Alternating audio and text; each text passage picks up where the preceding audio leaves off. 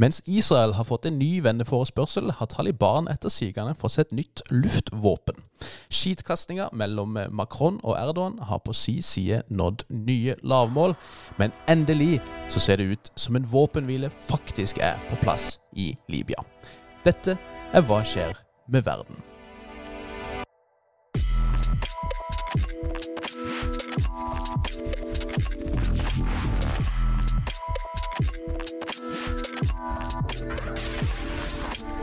Hei og hjertelig velkommen til en ny episode av podkasten Hva skjer med verden? Denne podden for deg som er interessert i internasjonal politikk, krig og fred og alt det røret som skjer midt innimellom der. Mitt navn det er Bjørnar Østby, og ved min side, eller foran meg som vanlig, sitter min faste kompanjong Nick Brandal. God mandagsmorgen til deg, Nick. God, eh, god, morgen, eh, Bjørnar. Det er en ny uke. Det er masse greier som har skjedd nok en gang. Det er en uke som vi har eh, forlatt, og det er mye vi skal ta for oss. Akkurat i dag er jeg glad for at vi ikke er en fotballpodkast, det kan jeg bare si. Og så kan vi legge den død der, Nick. Skal vi det? det ja, la oss, legge, la oss legge den nesten like død som en viss Liverpool-spiller. Ja, ja. Måtte, måtte han hvile i fred, hadde jeg nær sagt. Men eh, vi har jo opptil flere jubileum som skal markeres.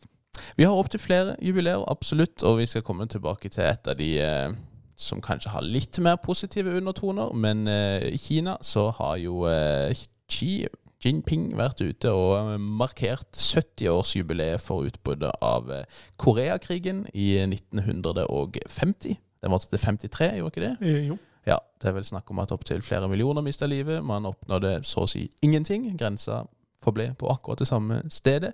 Men Kina har altså hatt en liten markering av at det er 70 år siden denne starta, og i den forbindelse så var jo Xi Jinping, da, Kinas eh, supreme leader, ute og ja, om ikke rasla med sablene, så var han i hvert fall ganske klar på at Kina skal man ikke kødde med. Navnet USA ble aldri nevnt, men vi vet jo hvem Kina kjempa mot, bl.a. i denne Koreakrigen.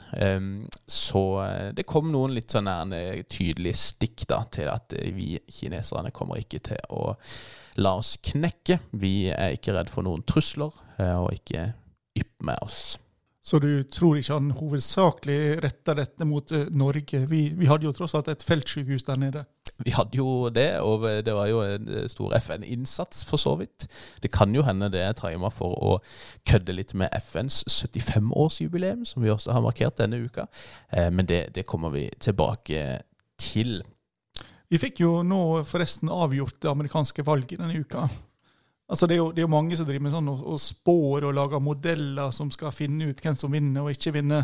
Og de er jo mer eller mindre sikre. Altså, det var jo en nå som kom ut med Han driver og måler Facebook-engasjement eh, og kom fram til at Trump kommer til å vinne. Eh, okay. Og så er det jo de som bruker økonomiske modeller, og de som bruker antall stemmer i primærvalg osv. Men nå har vi fått den aller, aller sikreste modellen av de alle. Og den har sagt veldig tydelig at vinneren blir Joe Biden. Fortell mer. Dette var i en telefonsamtale mellom Trump og Benjamin Netanyahu i eh, for, forbindelse med eh, Sudan-Israel-tilnærmingene, som vi skal komme tilbake til.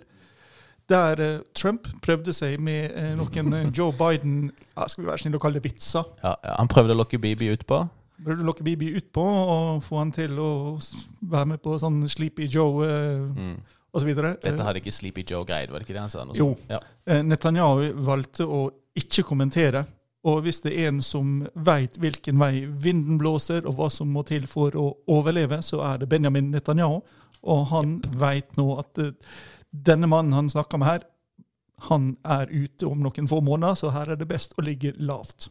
Ja, det er famous last words, Nick, men, eh, men eh, jeg stoler på eh, Benjamin. Og det, jeg tror det er første gang jeg har hørt han faktisk nøle. For han, han sa noe sånn Well, uh, uh, we are happy to receive any help from any American. Eller noe sånt. Uh, han har jo en veldig, veldig distinkt stemme og en ganske sånn bra amerikansk aksent. Han bodde der lenge, mener jeg på. Ja, det tror jeg stemmer, uten at jeg kan ja. biografien hans. Nei, nei, nei. Eh, men nei, som du sier, hvis det er en som vet hvordan du skal overleve, så er det jo Netanyahu. Han har jo vist seg å være seigliva, og eh, er vel den lengstsittende israelske statsministeren ever per dags dato. Så vidt jeg vet. Han har eh, vist seg vanskelig å bli kvitt, i hvert fall. Det har jo vært mange demonstrasjoner mot han også i det siste, for øvrig. Eh, men nok om det. Det skal vi sette, oss, sette vår lit til, til hans eh, prognoser. Jeg har mer troa på Likud-partiets tolkning av, av amerikansk politikk enn Taliban, det må jeg si. Uten å sammenligne de to videre. Ja, det er vel ikke vanskelig å slutte seg til. Nei. Eh, et annet jubileum holdt på å si, som har blitt eh, markert, og kanskje ikke på en sånn helt tilstrekkelig måte etter vår smak, det er jo det at eh, fredsforskeren Johan Galtung har fylt 90 år.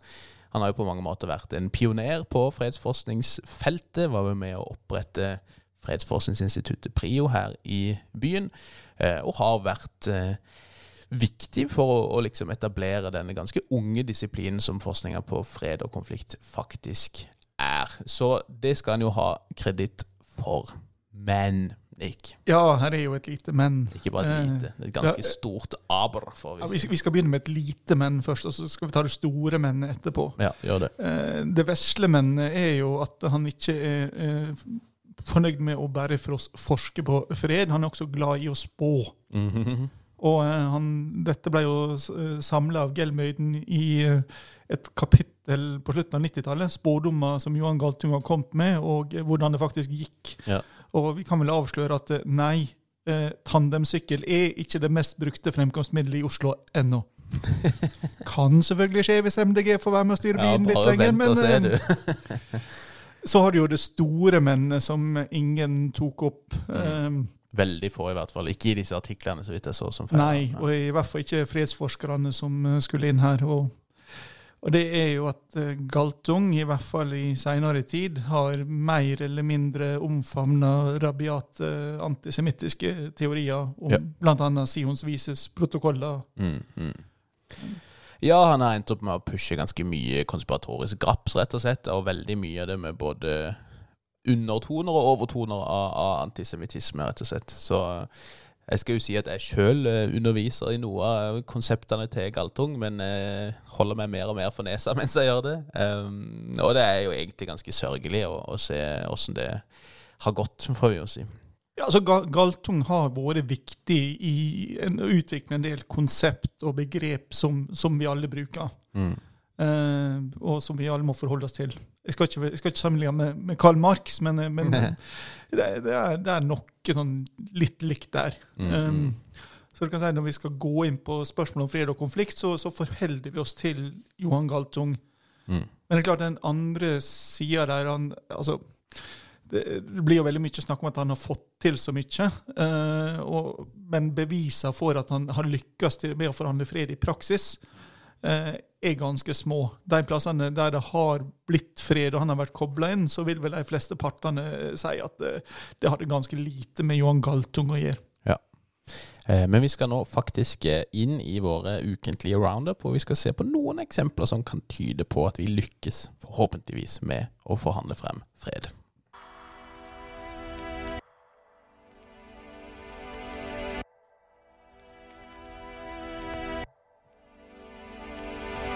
Vi har vært inne om eh, jubileer, og som jeg nevnte så vidt i stad, så har vi jo forrige uke markert eh, 75-årsdagen til FN, eller nærmere bestemt at det er gått 75 år siden FN-pakten ble presentert, og på en måte grunnloven til FN, og egentlig for det internasjonale samfunnet mer generelt, ble eh, erklært, om du vil. Det var 24. oktober, FN-dagen. Det var vel på lørdag, hvis jeg ikke husker feil.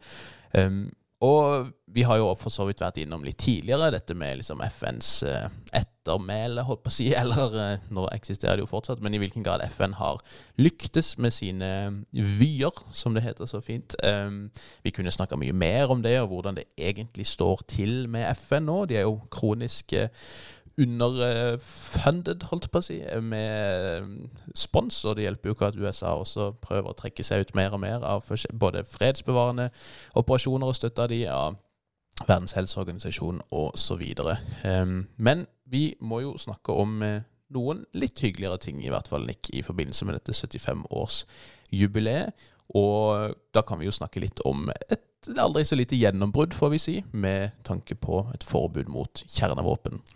Ja, I eh, forrige uke så ble Honduras den 50. staten som ratifiserte, altså tok inn i lovverket sitt, en traktat om forbud mot atomvåpen.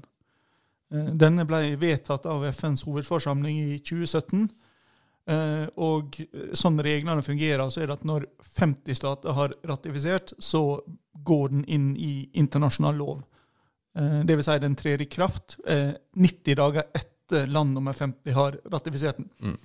Med mindre et av de 50 da trekk skulle finne på å trekke seg ut. Skal jo bare forklare veldig kort det at når en traktat legges fram, så åpnes den først for signering. Det er jo på en måte en måte for en stat å erklære en, en støtte til det, men så er det først når man da går gjennom en mer formell juridisk prosess og ratifiserer denne, at man selv da faktisk eh, forplikter seg juridisk til å, å følge det innholdet i den traktaten, for å si sånn. Ja, og det de signaturstatene nå har forplikta seg til, det er å aldri, under noen omstendigheter, utvikle, produsere, kjøpe, eie eller oppbevare atomvåpen. Og dette er jo da bindende for disse statene under internasjonal lov. Ja. Men det forplikter jo da ikke stater som ikke har undertegna denne traktaten. Mm. Og da er det jo et poeng å se på hvem som ikke har ratifisert foreløpig, Nick. Ja, og det feller inn under to grupper. Mm. Den ene er land som har atomvåpen, Mm. og den andre er land som er allierte med et land som har atomvåpen. Ja. Så dere kan jo gjette hvor Norge står i dette her. Vi har ikke ratifisert denne avtalen. Nei. Fordi vi er venner med noen som har disse våpnene. Altså, det er ingen Opptil flere av de, Ja, det er ingen Nato-land som har eh, ratifisert denne avtalen. Nei. Og eh, det er jo litt sånn merkelig i norsk utenrikspolitikk, hvis man ser på idealer som man ofte snakker om, i fredsnasjon osv. Men Mm. det er klart, hvis du ser på de underliggende realitetene, Mm. så har jo norsk eh, forsvar av Norge stort sett hvilt på ett bein, og det har vært amerikanske atomvåpen. Jepp. Eh, og det skal jo sies at det ligger jo her altså hvis, man, hvis en stat med kjernevåpen da slutter seg til denne, så må de jo enten da på en måte destruere disse ASAP, eller så må de legge fram en plan da for å vise liksom hvordan de skal gå frem for å eh, destruere sine kjernevåpenarsenaler. da. Um, vi er jo kynikere og, og litt sånn eh, pessimistisk anlagt, kanskje, Nick. Så det er jo eh, Snakk for deg sjøl. Men eh, ja, det er jo kanskje viktig som et signal, da, kan vi si det sånn. Og eh, man håper vel at dette kan ha litt den samme funksjonen som forbud mot klasevåpen og miner og lignende. Der mange av de som faktisk har disse våpnene og benytter seg av de, ikke har ratifisert seg, men det kan i hvert fall være med på eh, håper jeg, shame de som eh, har de, eller benytter seg av de, og, og være med å skape en, eh, en norm, da, om ikke annet. Ja, det er en, en ny standard i internasjonal politikk som man må forholde seg til på en eller annen måte. Ja. Samtidig så er vel ikke problemet med kjernevåpen at folk har skamma seg, eller skal skamme seg for å bruke dem. Eh, akkurat det. er andre ting enn skam som er et problem hvis de, de først begynner å dale ned fra himmelen. Så, så det Jeg vet ikke. Det, det høres ikke ut som noen av de som sitter på disse våpnene, er spesielt først foreløpig. Så skal det jo sies at Russland og USA fortsatt ikke har kommet til en enighet om denne New Start-avtalen. En av de nyere traktatene som regulerer hvor mange kjernevåpen de har lov til å ha, eh, som da er liksom operasjonelle. Eller om det er ca. 1500 hver eller noe sånt stridshoder de har lov til å ha parat. si. Eh, Den avtalen løper ut på nyåret. Og hvis de ikke blir enige om å forlenge den, så er den død, basically. Og USA har vært veldig klare på at de vil ikke inngå en sånn avtale uten at Kina også blir innlemma der, fordi det er urettferdig hvis Russland og USA blir ja, be, må begrense sine arsenaler, mens Kina får lov til å gjøre mer eller mindre som de vil. Eh, flere andre avtaler på denne fronten har jo kollapsa og håper jeg, dødd ut i det siste. Eh, Så der det for så vidt er viktig som en sånn måte, holdningsskapende prosess, dette her, så er jo likevel noen av de mekanismene, de konkrete avtalene og mekanismene som skal regulere kjernevåpen, eh, de begynner å visne hen, og det er ikke videre heldig, får vi si. Men når vi eh, er inne på gode nyheter, så skal vi komme med sånne fra et sted vi ikke har kommet med altfor mange gode nyheter tidligere, Bjørnar. Ja, og så får vi jo si dette med et visst forbehold også, men eh, det har nå kommet på plass en ny våpenhvile i Libya, og det som da blir beskrevet som en såkalt permanent våpenhvile. Den har blitt eh, fremforhandla med FN-hjelp i eh, Genéve, og der det fortsatt er litt uklart liksom, hvordan dette skal implementeres, så, så, skal innholdet da gå på at alle væpna aktører som er involvert i konflikten, skal trekke seg tilbake fra frontene og til sine leirer. Eh, sivile som har blitt fordrevet, de skal kunne dra tilbake til sine hjem. Og i tillegg så skal alt av fremmedkrigere og leiesoldater forlate Eh, både luftrom og territorium og havområder tilknyttet til Libya i løpet av tre måneder. Eh, dette har blitt ønska velkommen av de aller fleste partene, etter det jeg har sett, og fått støtte stort sett internasjonalt. Kan du gjette hvem som var litt lunken til denne greia, Nick? Når jeg hører ordet lunken og tenker internasjonal politikk, så er det jo Putin som dukker opp i hodet mitt. Ja, det er faktisk en, en, annen, eh, en annen, kar. Det er Erdogan som eh, Jeg jeg har ikke hørt Putin sitt take ennå. Jeg tror han er litt mer opptatt av, av Kaukasus akkurat nå. Men eh, Erdogan har sagt at han har ikke troa på dette her i det hele tatt. Og han mente at dette her, disse forhandlingene har foregått på et altfor lavt nivå. Altså, man har ledere fra både myndighetene i Tripoli, de anerkjente myndighetene, kalt Government of National Accord, og man har mange representanter fra Libyan National Army, som da har vært basert øst i landet, og leder av denne opprørske generalen Haftar. Men, eh, men, det er tydeligvis ikke godt nok for Erdogan. Og han har nok i og for seg et poeng med at hvis dette her skal holde, så må også de internasjonale sponsorene av hver side her eh, faktisk liksom etterleve det som, som eh, forespeiles i denne våpenhvileavtalen dette høres ikke ut så mye som lunken som det gjør direkte negativ. Ja, greit. Og da, og da hadde jeg svart Erdogan. Ja, altså. greit. Sorry, jeg finta deg ut litt der. Eh, det, det, skal jeg ta med meg til neste gang. Eh, nei, han høres rett og slett ganske negativ ut. Han gjør det. Og um, vi har jo snakka om før hvordan FN har dokumentert masse brudd på denne våpenembargoen mot Libya. Det er spesielt land som Tyrkia og Russland, Emiratene, Egypt som står på hver sine sider her har pumpa inn våpen. og Det er jo en kjent sak at det er pumpa inn masse syriske leiesoldater. Det har tyrkerne gjort mye, men det har også russerne gjort i økende grad. I tillegg til at russerne har eh, denne Wagner-gruppen, eh, et påstått militært, eh, privat militært selskap som alle vet er der Russland har interesser. Um, så det er mange internasjonale aktører her, og hvis man ikke greier å få orden på de, så, så trenger de ikke å liksom holde dette her. Men det høres ut som appetitten for fortsatt konflikt blant de libyske partene er ganske begrensa. Men fra semigode nyheter til direkte dårlige, Bjørnar? Eh, ja. Skal vi dra til Kamerun en tur? La oss. Det er jo eh, Man vil jo stadig vekk se det snakkes om neglisjerte konflikter. Eh, Flyktninghjelpa f.eks. har jo faktisk en eh, um, oversikt hvert år i sitt flyktningregnskap om liksom, de ti mest neglisjerte konfliktene. Vår kollega Thomas Røen pleier å si at det er litt sånn, det, de er heldige, de som får nok oppmerksomhet til å bli vurdert som neglisjert, for det er noen som ikke når helt opp dit. Eh, og et sånn typisk land, det er jo Kamerun. Og i Kamerun så har det i flere år nå foregått det som kalles den anglofone krisen. Vi tenker jo gjerne at Kamerun det er et fransktalende land, men i um, sør-vest, mot grensa til uh, sørlige Nigeria, så er det mange som snakker engelsk i to provinser der, og i de siste årene så har det vært et forsøk blant disse engelsktalende eller medlemmer av disse engelsktalende gruppene å prøve rett og slett løsrive seg fra Kamerun og lage en egen stat som da skulle hete Ambasonia. Um, som jo uh, et fint klingende navn, det, for så vidt. Å mikse med Amazonas, men Ambazonia, altså. Altså, Jeg må innrømme, jeg, jeg syns det høres ut som et sånt navn som amerikanske eh, tekstforfattere får se på opera finne på når de skal ha et uh, bryllup med en utenlandsk statsoverhode. ja. Erkehertugen av Ambazonia. Ja. ja. Enig. Eh, men det er altså navnet de har gått for, og det har da foregått egentlig væpna konflikt vest-sørvest i Kamerun flere år nå. Det hører man jo ingenting om.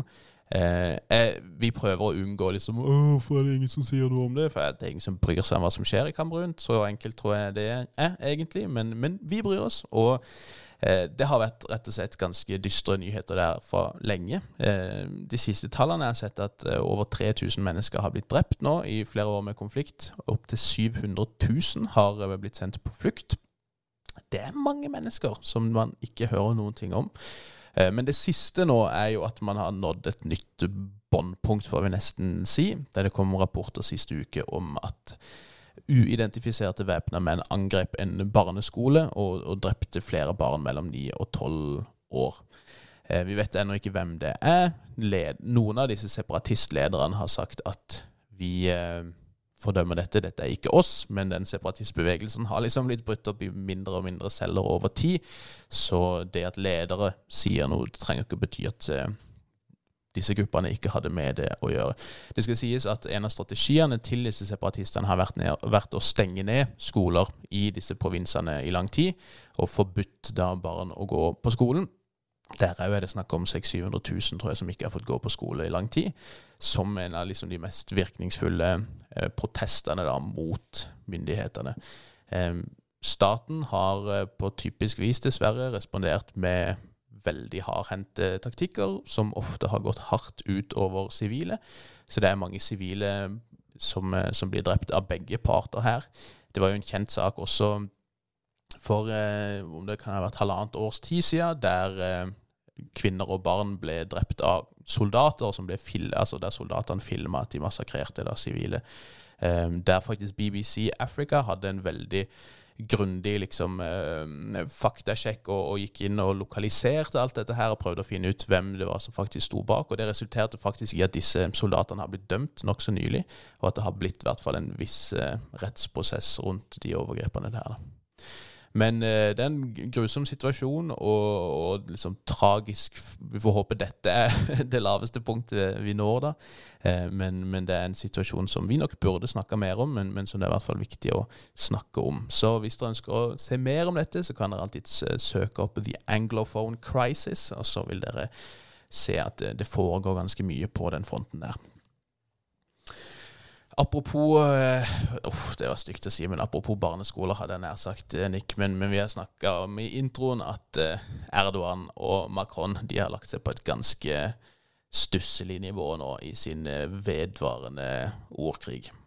Altså, Vi har ikke talt opp, men jeg vil anta at hvis vi nå hadde gått gjennom alle episodene våre og sett hvilke navn vi hadde nevnt oftest, så hadde Erdogan og Macron i hvert fall vært topp fem, om ikke topp to.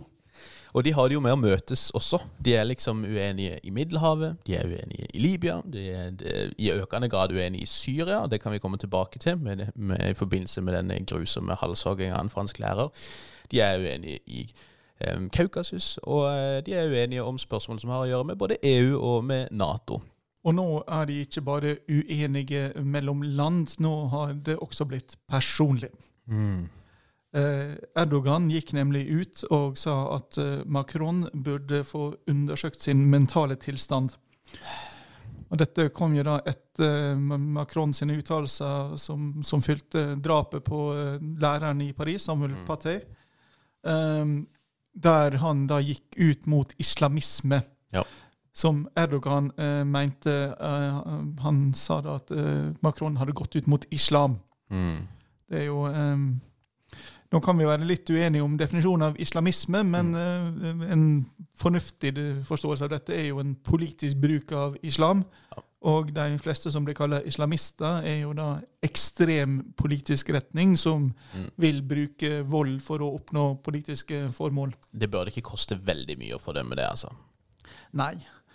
Så kom jo da svaret fra Élysée-palasset i Paris med en gang, eh, nemlig at eh, Erdogan var rett og slett farlig på alle måter for både regionen og verdensfreden, og at Tysk Tyrkia nå handla uansvarlig og måtte avslutte sine eventyr i Middelhavet, kort og godt. Eh, og eh, den franske ambassadøren til eh, Tyrkia ble kalt tilbake fra Ankara til Paris for konsultasjoner, som det heter. Mm. Og dette kommer jo da på etter denne konflikten som du, du, var inne på, med eh, altså, våpenleveranser i Libya, mm. eh, provokasjoner i Middelhavet, og den konflikten vi har snakka mye om de siste ukene, nemlig Nagorno-Karabakh, mm. der eh, Tyrkia og eh, Frankrike er inne på, på hver sin side. Vi kan jo for så vidt nevne bare veldig kort med den konflikten. Jeg tenker Vi kan komme mer tilbake til det neste uke. Stort sett more of the same, egentlig. I helga var det nok et forsøk på en våpenhvile, og så gikk det noen få minutter, og så sa begge parter at den andre hadde grossly violated the ceasefire. Um, så det ser ikke ut som det er så mye nytt der, men etter det jeg kan se, så fortsetter Aserbajdsjan sine avansementer på bakken. Uh, og det ser ut som de nå også prøver å ta denne såkalte Lachin-korridoren, for uh, der da på en måte Armenia proper har kontakt med Nagorno-Karabakh, denne armenske enklaven i uh, Aserbajdsjan. Og hvis de gjør det, så, så vil nok ting ja, se ganske mørkt ut for Nagorno-Karabakh, altså militært sett. Så har Macron sitt, sine uttalelser etter dette lærerdrapet også skapt problemer i forhold til andre muslimske land. Mm. Eh, og da særlig Kuwait og Qatar, som der de to store butikkjeder har eh, sagt at de nå vil boikotte franske produkt, og da i særlig grad ost. Um, men så har man sett det motsatte også. Man har sett i både Marokko og Saudi-Arabia at folk oppfordres til å boikotte tyrkiske produkter fra dagligvarene. Så, så dette, denne ganske smålige feiden om, om, hvem som skal regjere i, den, ja, i Midtøsten og den muslimske verden, den foregår også i dagligvarebutikkene, faktisk. Og i fransk politikk så kom det jo et litt morsomt, eller morsomt, er det feil ord, et litt interessant utspill Eh, lederen for det, si, venstreopposisjonen, eller i mm. hvert fall ytre venstre, Jean-Luc Mélenchon, satt jo lenge veldig veldig stille. Og så kom han ut og eh, fordømte ikke islam, men tsjetsjenere. Mm -hmm. Så um, mens Macron da gikk på religion, så gikk Mélenchon på etnisitet. Ja, ikke sant.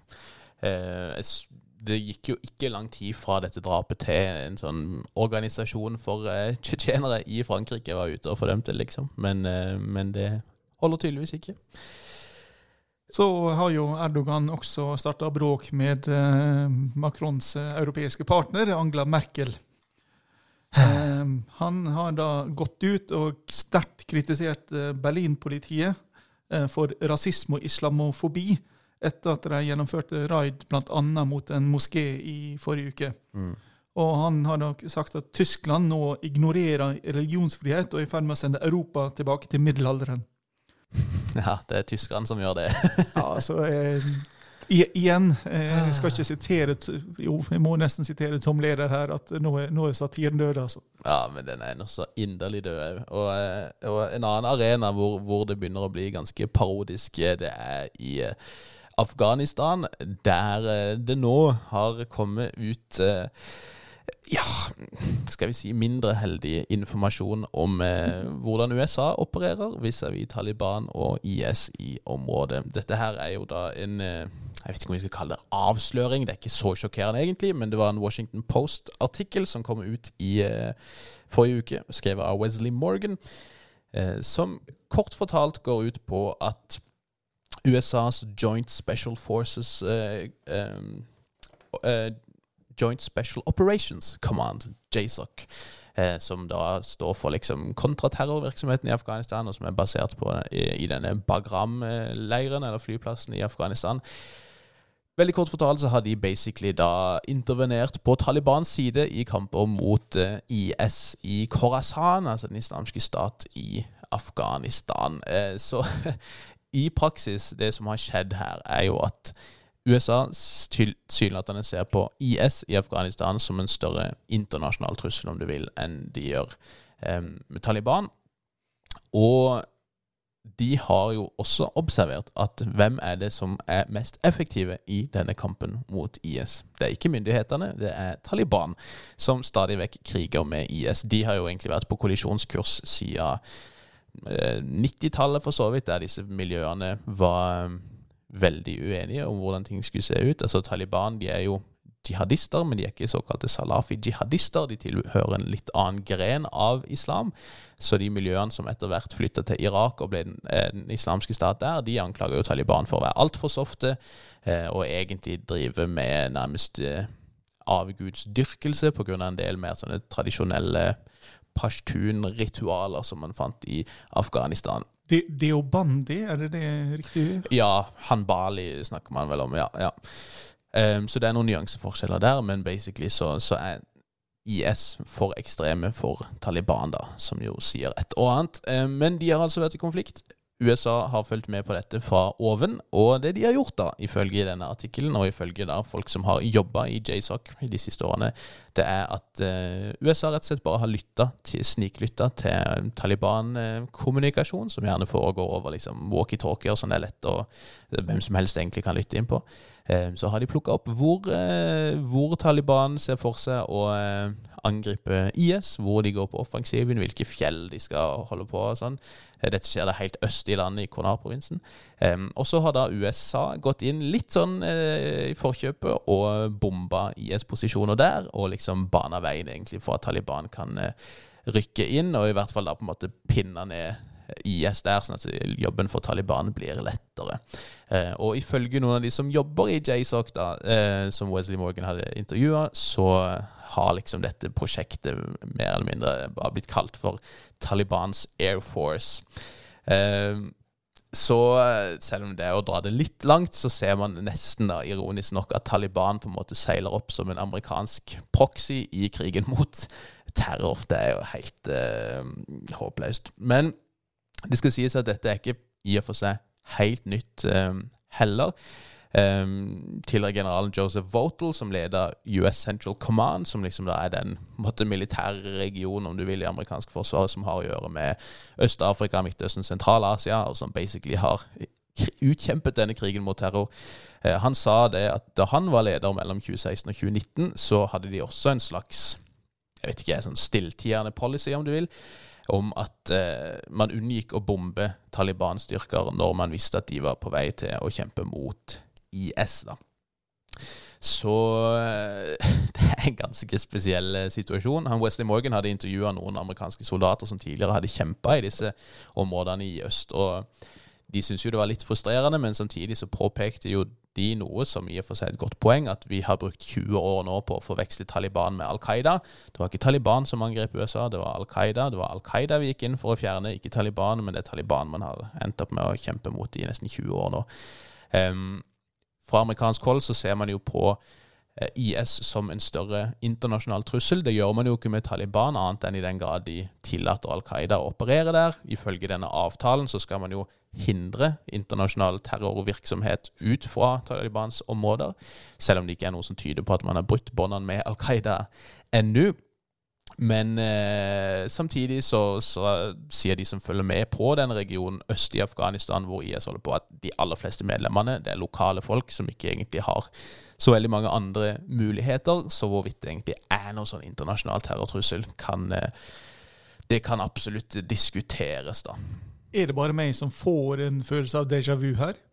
Altså, eh, dette begynte jo med at eh, USA sendte massiv støtte til mujahedin for å bruke dem i kampen mot Sovjetunionen i Afghanistan. Mm.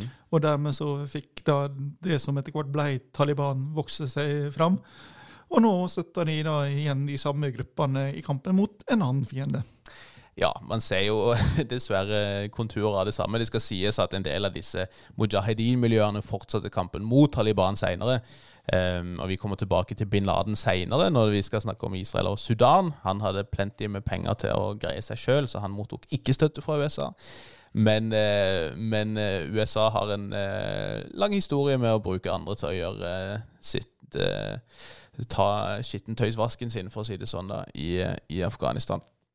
Og, og, dette kan jo det er jo interessant hvordan dette her kan spille seg ut liksom, etter USA eventuelt trekker seg ut. da. Ser man, ser man, på Taliban som en potensiell partner i kampen mot IS, liksom?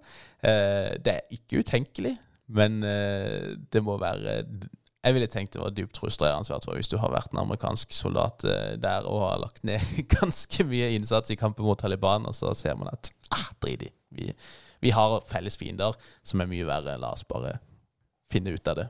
Ja, altså hvis, hvis nå Taliban går inn for islamisme i ett land ja. ja. Så skal det sies, jeg må rette litt på meg sjøl. Jeg hadde vært langt mer frustrert hvis jeg var afghaner enn amerikaner. Det er ikke amerikanerne det er synd på. Men eh, det er jo Taliban har jo lenge egentlig sagt det. Hvis ikke dere kødder med oss, så kødder ikke vi med dere. Eh, det har ikke IS sagt, for å si det sånn. Så, så vi kan absolutt se for seg et sånt scenario, men det er jo ganske absurd etter alle disse årene.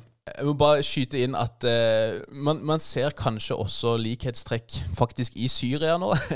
um, der det var et droneangrep mot et um, middagsselskap, høres det ut som, med en rekke jihadistledere tilknyttet Al Qaida, som da var oppe i nordvest-Syria, i denne Idlib-provinsen. Der var det forskjellige kilder sier litt forskjellige ting, men det høres ut som 17 Al Qaida-orienterte eh, jihadister, flere av de profilerte figurer, eh, ble drept i dette droneangrepet. Det som er litt interessant her, er at dette er ganske beleilig for de sterkeste jihadistene i regionen, de som nå heter Hayat Tahrir al-Shem, HTS, som liksom er den skal vi si, siste gjenværende sterke opprørsgruppa i Syria, som da holder på oppe i nordvest i Idlib-provinsen. De starta som en Al Qaida-grein, men har siden eh, vist fingeren både til IS og til Al Qaida og prøver å kjøre en litt egen greie. Kanskje ja, jihad i ett land, om du vil. Um, og har tydeligvis greid å fredeliggjøre en del eh, internasjonale aktører også, ved å liksom prøve å tone ned retorikken sin. Eh, være litt mer fleksibel ideologisk og prøve å forsikre mot eh, partene om at vi er ikke ute etter å drive med internasjonal terrorvirksomhet.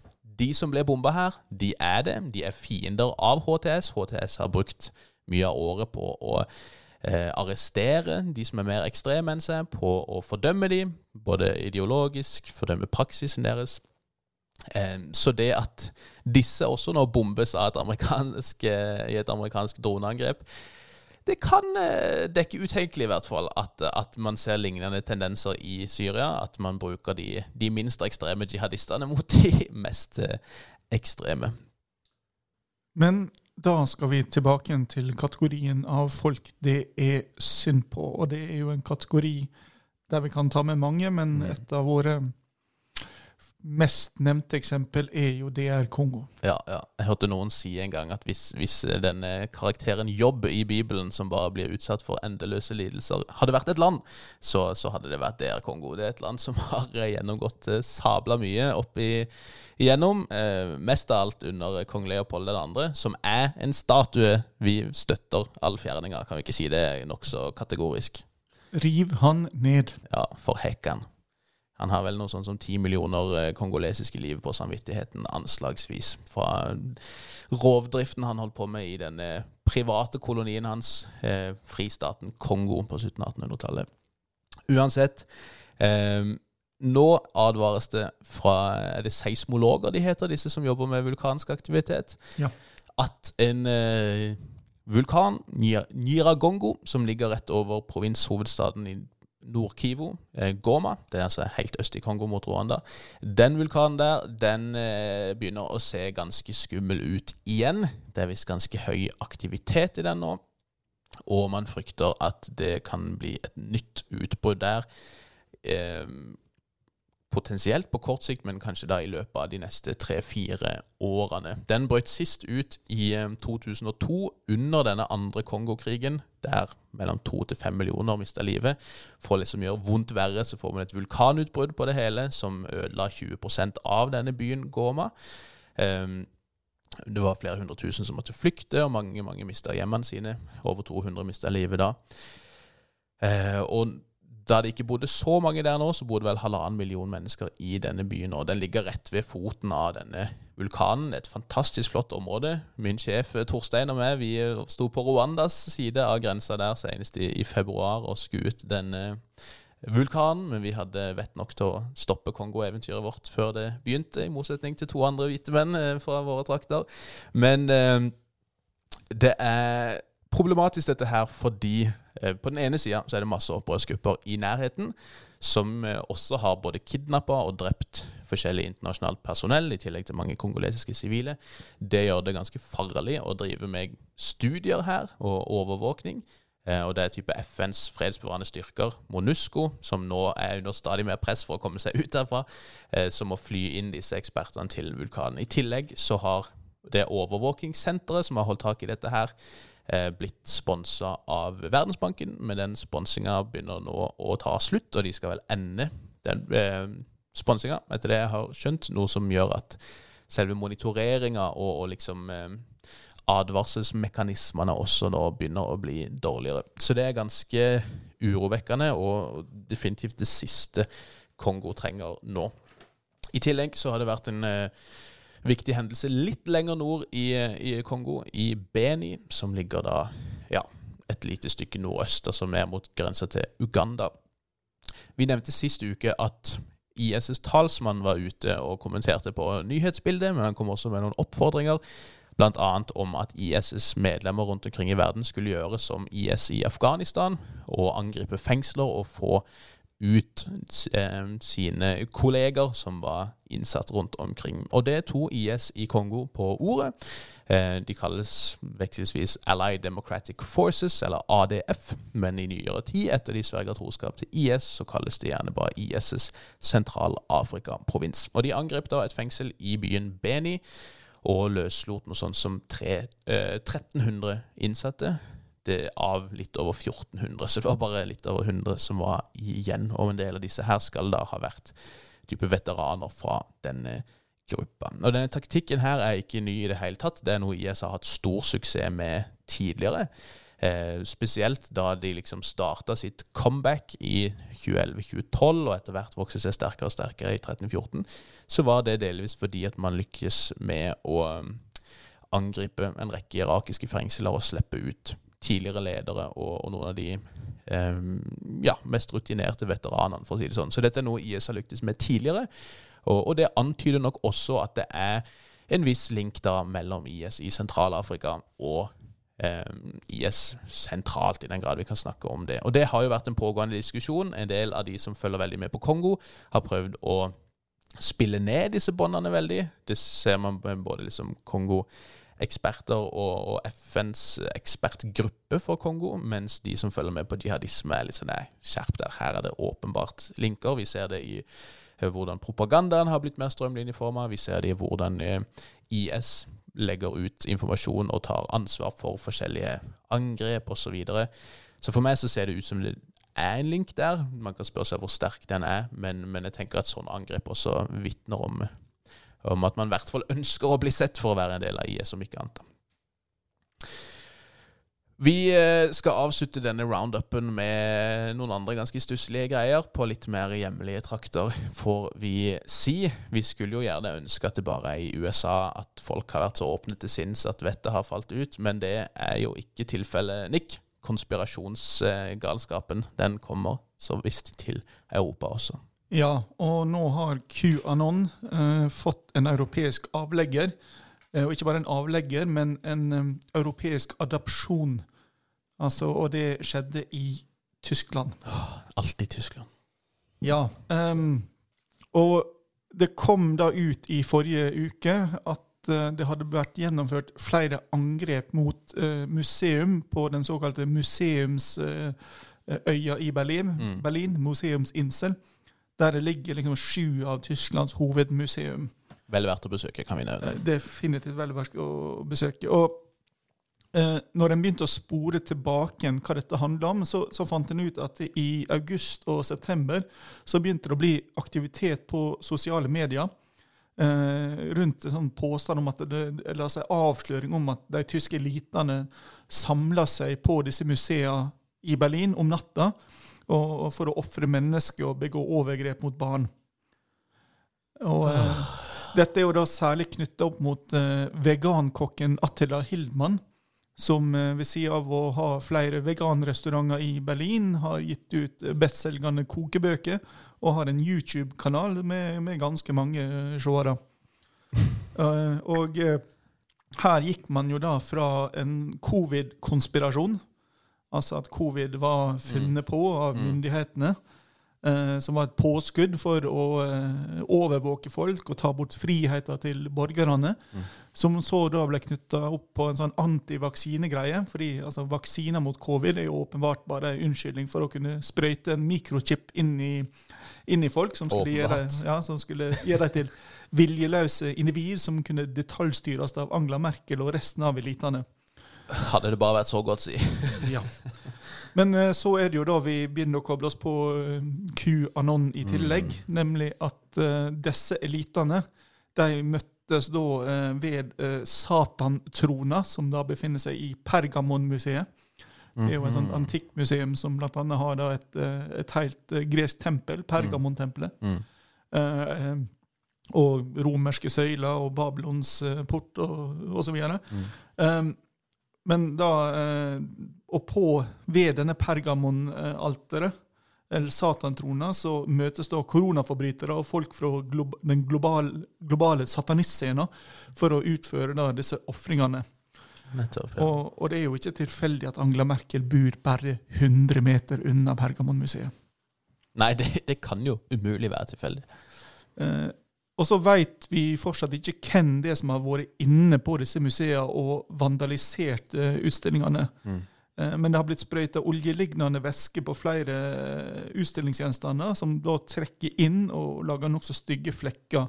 Mm. Og, og vi har jo noen omfattende skader på tusenvis, og, tusenvis av år gamle steinskulpturer, egyptiske sarkofager og eh, verdifulle maleri fra eh, 1800- og 1800-tallet. Og det, De fleste av disse skadene er på Pergamonmuseet, men også på Neue museum og Alte Nasjonalgalleri. Det er altså. Eh, Det at dette har blitt holdt så stille, kan på den andre sida tyde på at eh, sikkerhetstjenesten er involvert. Um, Mm. og eh, det betyr at dette blir etterforska som politisk ekstremisme. Interessant. Eh, altså, Tyskland er jo en føderalstat. Det betyr at eh, delstatene har makt på alle områder som ikke eksplisitt er nevnt i eh, grunnlova som eh, et eh, eh, føderalt ansvar. Og når dette da nå tydeligvis er flytta ut av det lokale politiet, så betyr det at det blir etterforska som en da, forbrytelse som nasjonale myndigheter kan ta seg av. Mm. Og, det, og, dette blir jo da fort gjennom Hildmann, eh, vegankokken, knytta til riksborgerbevegelsen og den ekstreme høyresida i Tyskland, Ja. som nå da ser ut til å ha omfavna en tysk utgave av QAnon-konspirasjon. Ja, det, og det kommer hit til lands også, dessverre. Ja, hvilket museum skal vi tippe blir åstedet for eh, de norske elitene sine menneskeofringer? Det er jo ikke motstandsbevegelsens museum, tror jeg. Hjemmefrontsmuseet, Ja. Forsvarsmuseet, Nasjonalgalleriet Altså, Egentlig burde det jo være på Stiklestad, da. Men det er jo litt langt Ja. unna Oslo, så Det er langt for, lang tur for Erna. ja. Hva blir det, altså Inkognito-gata, hva er liksom nærmeste museet derfra? Kanskje galleriet på Slottet. Ja, det, det må vel bli Slottet. Det må nok bli Slottet.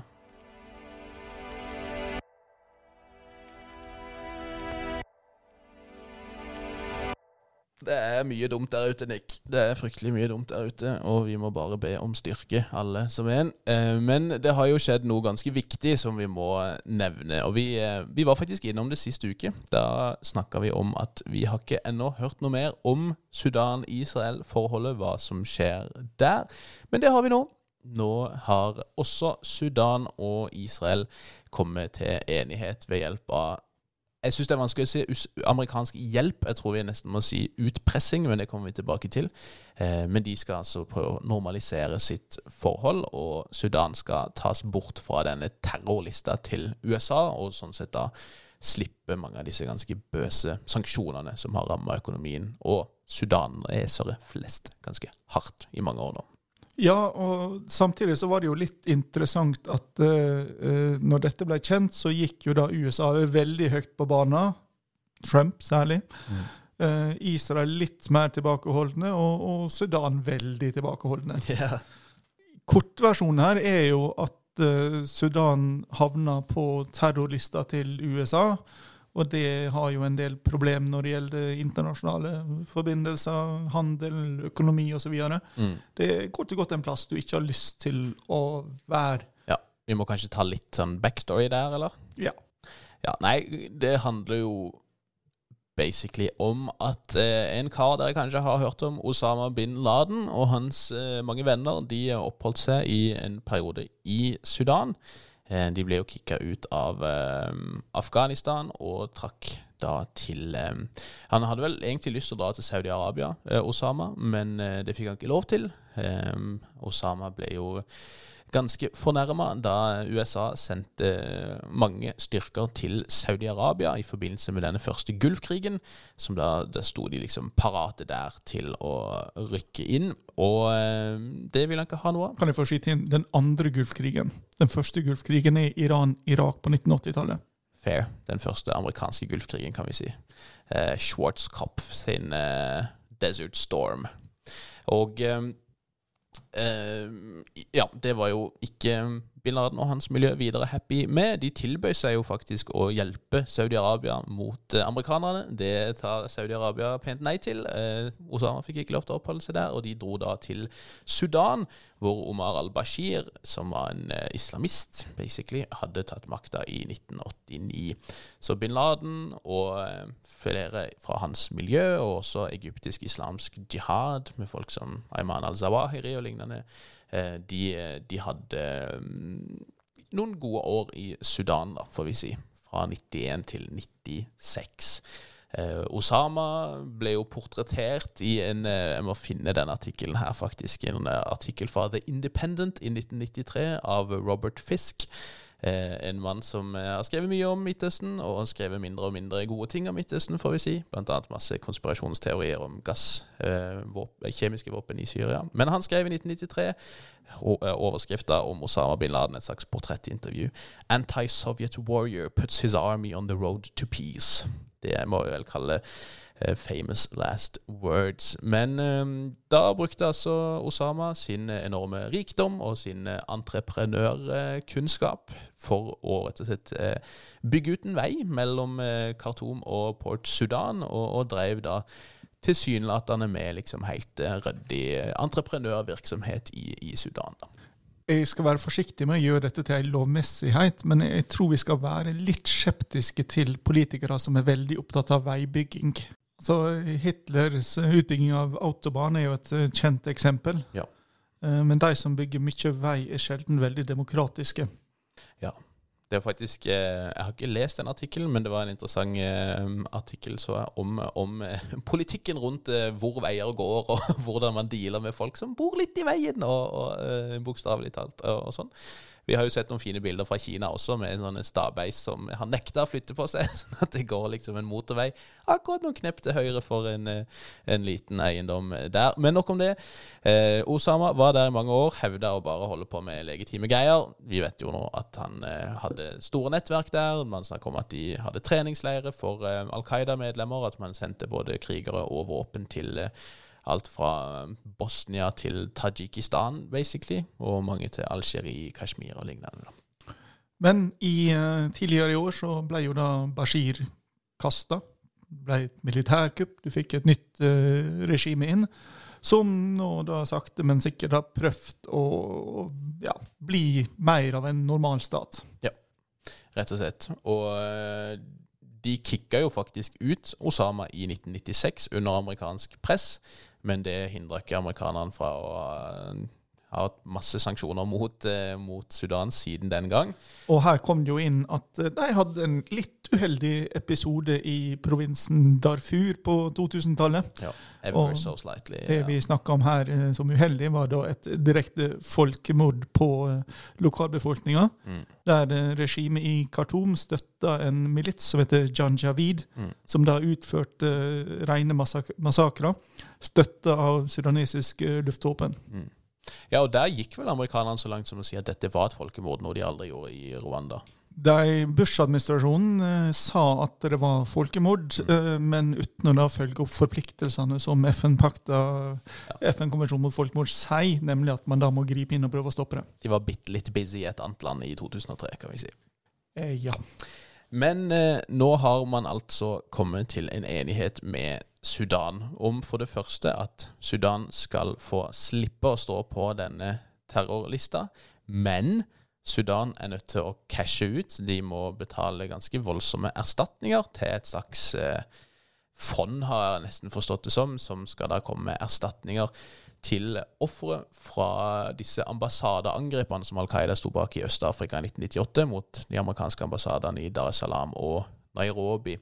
Eh, og prisen for å komme seg ut av denne terrorlista, det er 335 millioner dollar. Men belønninga for å komme seg ut av denne terrorlista er jo da at eh, Emiratene, Saudi-Arabia, Egypt og til dels også USA står klare med å gi lån og støtte for over en milliard dollar. Ja, ja, ja. Så, eh, og ikke minst at de får lov til å bli venner med Israel, noe befolkninga ikke har lyst til å være. Eh, men det kan vi komme tilbake til. Men dette skjer da i en kontekst der den sudanesiske økonomien er i en dyp krise. Så det er ganske mye penger å skulle punge ut, men det er samtidig veldig viktig å bli kvitt disse sanksjonene. da. Ja, og si, Forholdet til Israel her handler jo veldig mye om tilgang på teknologi.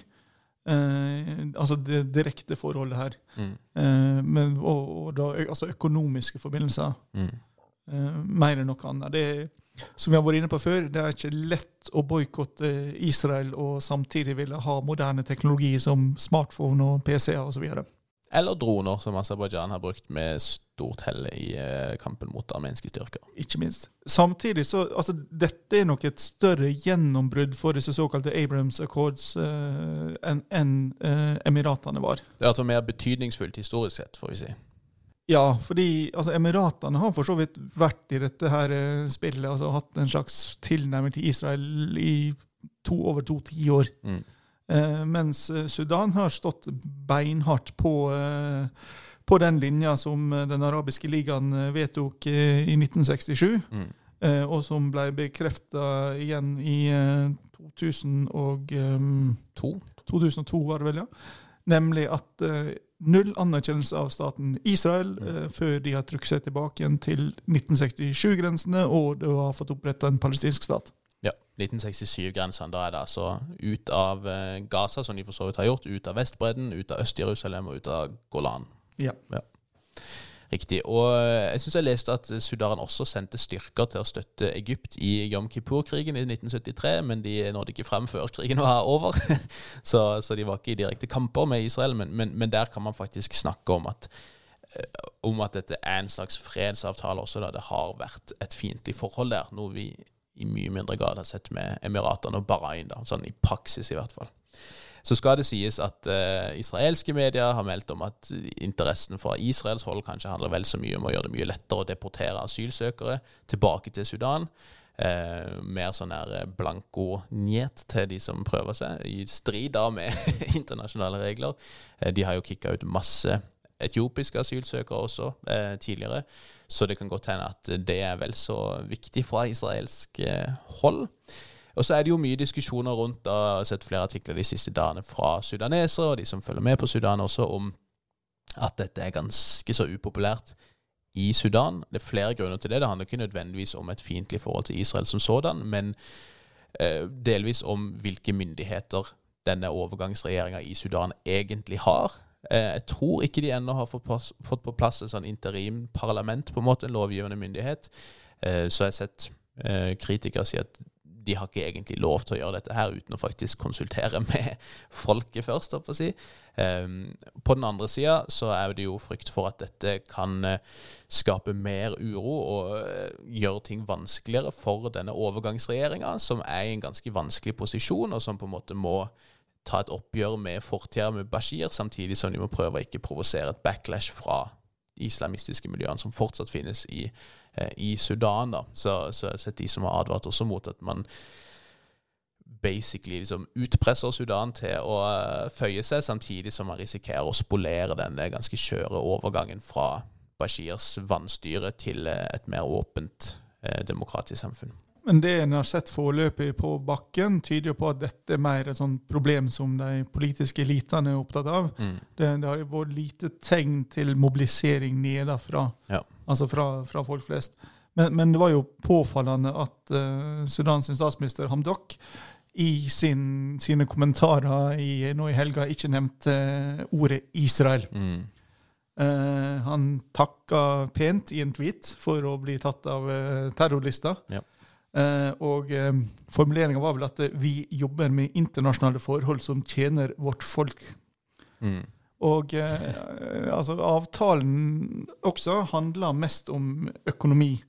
Eh, og den foreløpige teksten snakker om normalisering av forholdet, men eh, sier ingenting om etablering av diplomatiske forbindelser. Nei. Altså oppretting av, av ambassader, eller i det store hele opp, altså ha eh, formelle forbindelser på statsnivå. Mm. Og Det er jo egentlig det samme man så for så vidt med Kosovo Serbia og sånn også. Det er vel kanskje en refleksjon av hvordan eh, the art of the deal skal gjøres, ifølge Trump også. Det er stort sett eh, mest de økonomiske faktorene han ser ut til å, til å bry seg mest om, kan vi si da. Og det som kanskje er enklest å få på plass også, for så vidt. Ja, og så er jo selvfølgelig spørsmålet da om dette blir eh, siste, eller om det vil fortsette videre mot den store premien man sikter mot, nemlig Saudi-Arabia. Ja, og det har jeg også eh, sett flere skrive om, at Sudan er ikke egentlig viktig her, for så vidt. Altså, Sudan har åpenbart interesser av å komme seg av terrorlista. De har vært tydelige på at de ikke ønsker at Israel anerkjennelse av Israel skal være en del av det, selv om det ser ut som det mer eller mindre har blitt det nå. Men, men at jeg, jeg tror også det er en god grunn til å tenke at dette her handler mer om å opprettholde momentumet for å liksom se om ikke du kan lokke ut på også Saudi-Arabia når alt kommer til alt. da. Så virker det å være lite sjanse for at det skjer før valget. Mm. Og så spørs det jo hva som skjer under valget. og... eh, Mm. Eh, Jeg vil vel tippe at hvis Trump skulle bli gjenvalgt, så er nok Saudi-Arabia mer innen ganske kort tid. Det kan godt tenkes. Og så handler det jo litt også om eh, eh, altså Mye av det vi har sett med andre stater, handler jo om en felles fiende i Iran, men, men nå ser også ledere i Emiratene og i Saudi-Arabia snakke mer og mer om den tyrkiske trusselen også. Og der også så vil mange av de kunne forenes. Jeg er litt usikker på hvor mye fremstøt Tyrkia har gjort i Sudan, men de har definitivt gjort det i Somalia, i Etiopia delvis. Eh, Så akkurat hvordan de stiller seg der, er jeg litt uh, usikker på. Og vi kan jo nevne Etiopia for så vidt helt til slutt også. Eh, For eh, Trump ble jo filma mens han satt i det ovale kontoret på tråden med Bibi og eh, Hamdok, denne, eh, altså de to partene, rett og slett. Og da kom han Jeg vet ikke helt hva som var konteksten, men han kom i hvert fall inn på denne eh, The Grand Ethiopian Renaissance Dam. Denne demninga da i eh, Nord-Etiopia, som vi har snakka tidligere om med Kjetil Tronvold annet. som da eh, demmer opp eh, Blånilen, som jo da utgjør noe sånn som 80% av vannforsyninga til Nilen, som jo Egypt alltid har vært avhengig av for sin eksistens. Denne demninga har jo vært særdeles upopulær. Mye av diskusjonen har i senere tid handla om hvor fort man skal kunne fylle opp demninga uten å ødelegge for eh, egyptisk eh, jordbruk osv. Men i denne samtalen med Hamdok og Netanyahu så, så begynner liksom Trump å riffe rundt dette her, som han alltid gjør, og, og sier liksom at nei, egypterne de er veldig lite fornøyde, og, og det kan godt hende at de bare kommer til å liksom eh, blæste hele greia. liksom De kommer bare til å sprenge han til fillebiter. Jeg kan godt skjønne hvorfor de er så sure, liksom. Og det virker nesten som han på en måte eh, Her slår han ikke fra seg eh, affekt, vet du. Det virker nesten som om eh, han eh, gikk god for en sånn type handling. Eh, han med, sa gjentatte ganger at eh, etioperne har brutt avtalen, de har brutt avtalen. Da, da, da. USA har jo prøvd å forhandle mellom Sudan, Egypt og Etiopia, og har jo egentlig tilsynelatende ødelagt disse forhandlingene ved å blande seg inn. Eh, resultatet var uansett at Etiopia var litt sånn eh, Unnskyld, hva sa du for noe nå? Sa du at Egypt skal bombe demninga vår, sa du? Ok. Eh, så de har kalt inn eh, den eh, amerikanske ambassadøren på teppet og spurt liksom, hva i alle dager er det der snakker om. Eh, slutt å komme med sånne nærmest implisitte trusler mot oss.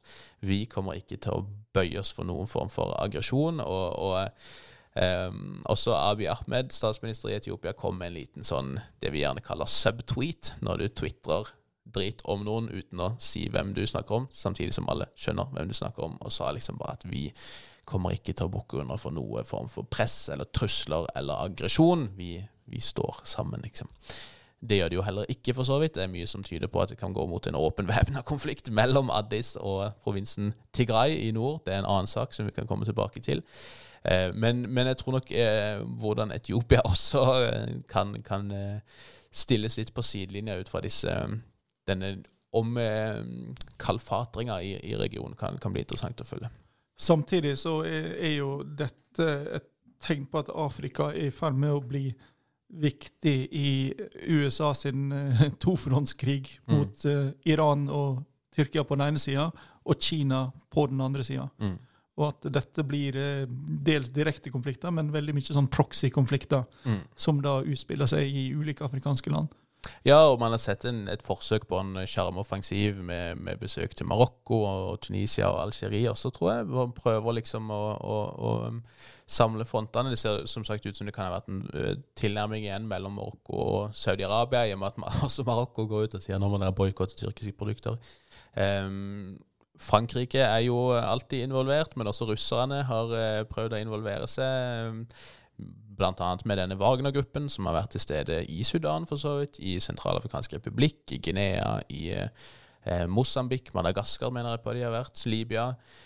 Russerne tror jeg ikke greier å lese terrenget i det hele tatt, virker det som. Det gjør ikke amerikanerne heller, tror jeg. Eh, tyrkerne har jo forsøkt å etablere seg i Libya. De har baser i Somalia, blant annet. Og de har etter hvert flere baser i Irak, for så vidt også. Det ser ut som de prøver å, å, å bre om seg mer og mer med militær tilstedeværelse andre steder, og det vil nok også skje i, Afrika. Men eh, enn så lenge så det, det, er synd å si det, men jeg tror det er franskmennene som er mest uh, streetwise der. Og, og, Macron har jo også prøvd å mobilisere spesielt EU til å ta sin del av jobben i Sahel.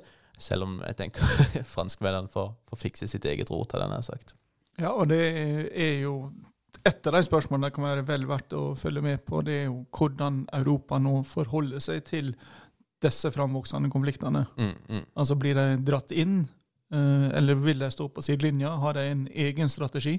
Eller vil de legge seg bak den amerikanske strategien? Ja, og det vil bli interessant å se også hvor langt dette, hvor dypt disse nye forholdene går nå med Israel. Kan det bli sikkerhetspolitiske allianser av det også, eller er det bare en måte å prøve å hindre at vi altså, da har vi i hvert fall ikke konflikt der, så kan vi heller konsentrere oss om de andre områdene vi er interessert i. Det skal sies at Afrikas Horn, også Øst-Afrika, noen av de som er mest aktive der nå, det er nettopp stater som Qatar, som Emiratene osv., som er eh, høyst involverte, og eh, Saudi-Arabia ikke minst også, og som har mange interesser der. Så eh, det er alltid disse scramblene for Afrika, og det kan skje nok en gang, det.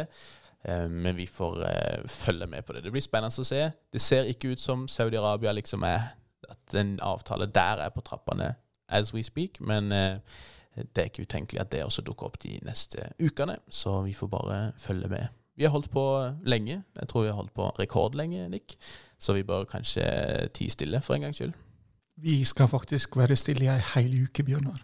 Ja, jeg må rette deg litt der. Det vil si vi to skal være sånn tålelig stille, men det kommer en ny episode, den skal vi si siste på en måte tematiske episoden av Det amerikanske paradokset på onsdag. Vi skal prøve å komme med litt mer eh, ferskvarepods etter eh, valget. Så det er neste uke, det. Oi. Shit. Uff a meg. Eh, gi oss styrke nok en gang. Eh, men vi skal følge med på det. Vi kommer tilbake med en siste episode med Hilder med på onsdag. Og så kommer det en ny spesialepisode også forhåpentligvis denne fredagen, der vi fortsetter litt i dette økonomiske landskapet. Vi snakka sist fredag om hva som skjer med pengene. På fredag så får vi besøk av Roger Hammersland, som jobber her på høyskolen, og som også jobber i Statistisk sentralbyrå. Og han skal fortelle oss litt om både hvordan de lager prognoser for fremtida, og hva disse prognosene sier om verdensøkonomien. Det blir spennende, så følg veldig gjerne med på det. Abonner på oss der du laster ned dine podkaster, og så hører du fra oss veldig snart igjen. Takk skal du ha som vanlig, Nick. Sjøl takk, Bjørnar. Takk for meg. Vi snakkes.